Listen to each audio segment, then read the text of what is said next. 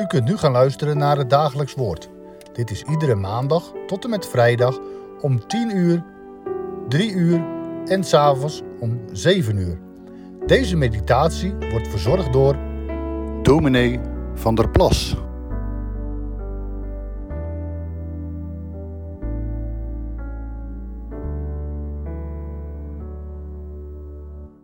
Hartelijk welkom bij Dagelijks Woord.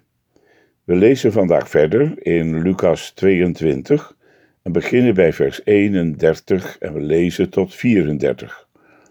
En de Heere zei: Simon, Simon, zie, de Satan heeft u allen opgeëist om te ziften als de tarwe. Maar ik heb voor u gebeden dat uw geloof niet ophoudt. En u, als u eens tot inkeer gekomen bent, versterk dan uw broeders. En hij zei tegen hem: Heere, met u ben ik bereid om zelfs in de gevangenis en de dood in te gaan. Maar hij zei: Ik zeg u, Petrus, de haan zal vandaag beslist niet kraaien, voordat u driemaal gelogen zult hebben dat u mij kent. De goede herder ziet het gevaar naderen. Terwijl de schapen rustig grazen of stil herkauwen, ziet hij hoe een wolf zijn kudde besluipt. Terwijl hij zelf de aanval van de wolf zal weerstaan, waarschuwt hij zijn kudde. Hij weet dat zal schapen ongemerkt het gevaar tegemoet lopen. Zonder herder zouden ze reddeloos verloren zijn. Kijk maar naar de discipelen, over wie Lucas schrijft. Ze hebben avondmaal gevierd. Jezus heeft hen gewaarschuwd dat een van hen hem verraden zou. En terwijl ze zich afvragen wie dat zou durven doen, verandert een gesprek. Wie van hen zal de meeste zijn? Ze blijven blind voor het gevaar dat nadert. Jezus voelt dat aan. Hij wil hen bemoedigen en tegelijk waarschuwen. Daarom spreekt hij eerst over de toekomst.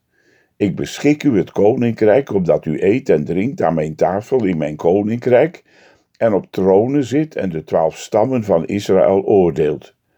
De toekomst ligt vast. Maar het gaat met Jezus door lijden tot heerlijkheid.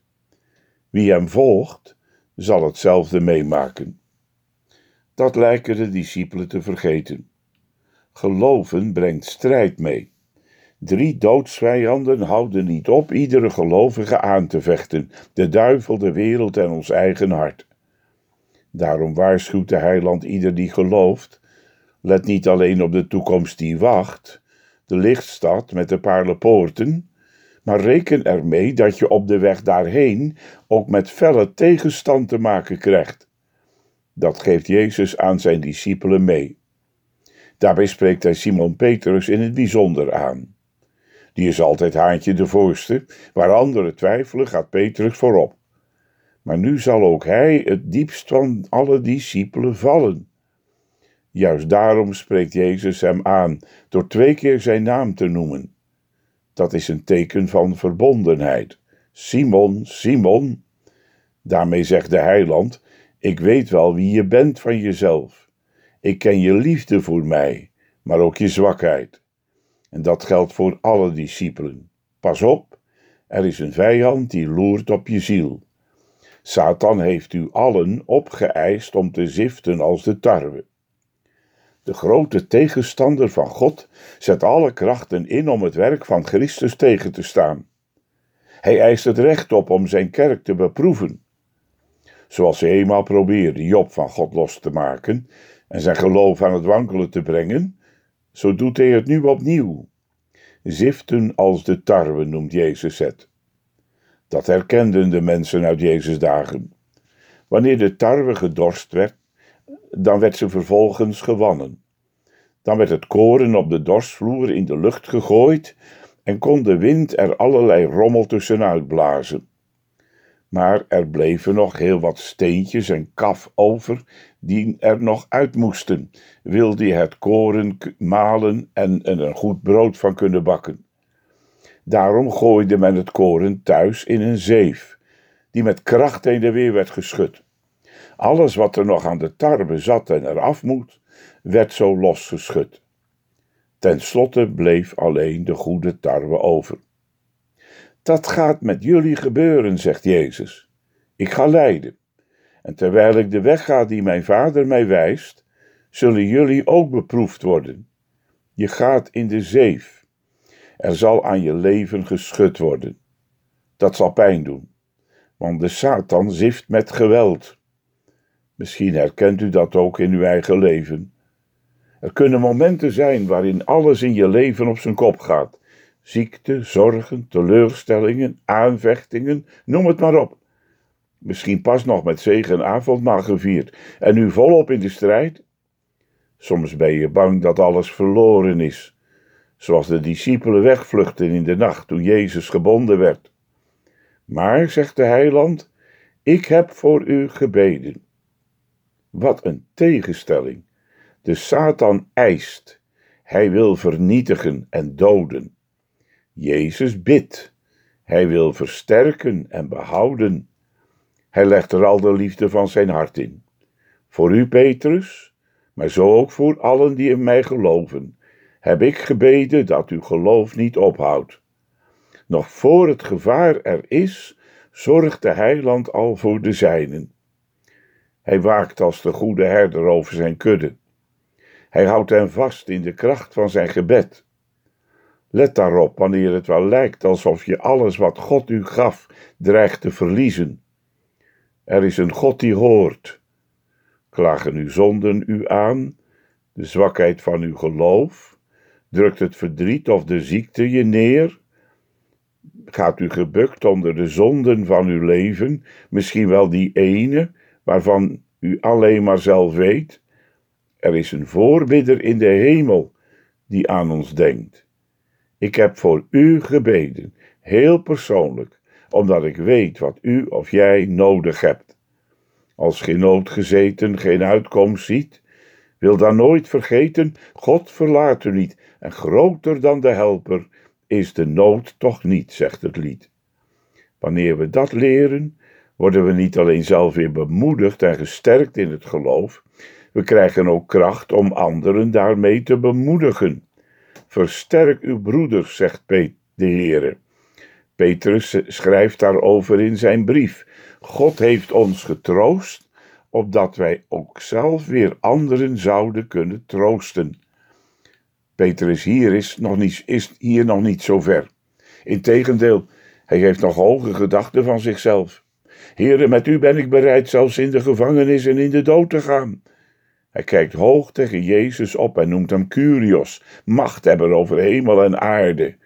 Maar hij overschat zichzelf. Om anderen te kunnen versterken, moet hij eerst zelf de kracht van Gods genade leren kennen. Hij had al veel van de Heer ontvangen, maar nu moest hij alles van zichzelf kwijtraken om alleen de liefde en de genade van Christus over te houden. Hij moest tot inkeer komen. Daarom zou hij de zeef ingaan. Satan zou hem op ongekende wijze schudden. Het zou lijken alsof hij als een tarwekorrel over de rand van de zeef zou gaan. Dat zou eigen schuld zijn. En juist daarom zou het zo diep ingrijpen in zijn leven. Ik zeg u, Petrus, zegt Jezus. Opvallend dat hij die naam nu gebruikt, rotsman. Je bent een rots, sterk en vurig, maar je zult merken hoe zwak je bent van jezelf. Je zult driemaal verloochenen dat je mij kent. Die woorden grijpen diep in bij Petrus. Hij was immers van harte aan de Heer verbonden. En dan kun je zo vol zijn van Gods liefde, dat je denkt, dit gaat nooit meer over. Psalm 30 zingt daar ook van. Maar als dan de zee van de Satan komt, gaat alles omver. Dan is dat rotsvaste geloof soms zo zwak en klein in onszelf. Voor je het weet heb je tot driemaal de verkeerde keuze gemaakt en je van Jezus afgekeerd. Je zou reddeloos verloren zijn als de haan niet kraaide.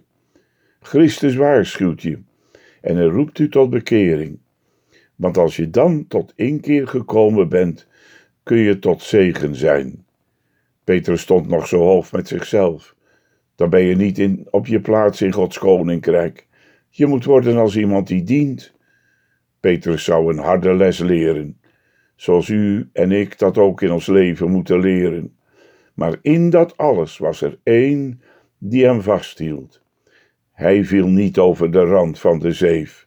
Christus gebed droeg hem door alles heen. Want wie in hem gelooft, kan niet verloren gaan, maar heeft eeuwig leven. Amen. Laten we samen danken en bidden. Heere, wat is dat heerlijk om dat van u te horen. Ik heb voor u gebeden.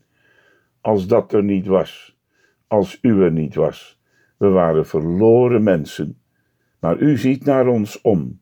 U roept ons, u vraagt naar ons hart. Als we nog zonder u leven, klopt u op onze deur. U wil ons ook bemoedigen in het geloof, om ons te leren telkens weer, juist als het donker wordt. U denkt aan ons. U raakt ons nooit kwijt, ook als het lijkt alsof u wij u kwijt zijn. Heere, wil zo met ons allen gaan. Zegen uw woord aan ons hart. Sterk ons voor deze dag. Ga met ons in alle omstandigheden van het leven, opdat we ook voor anderen tot zegen kunnen zijn. Uit genade bidden we dat, om Jezus wil. Amen.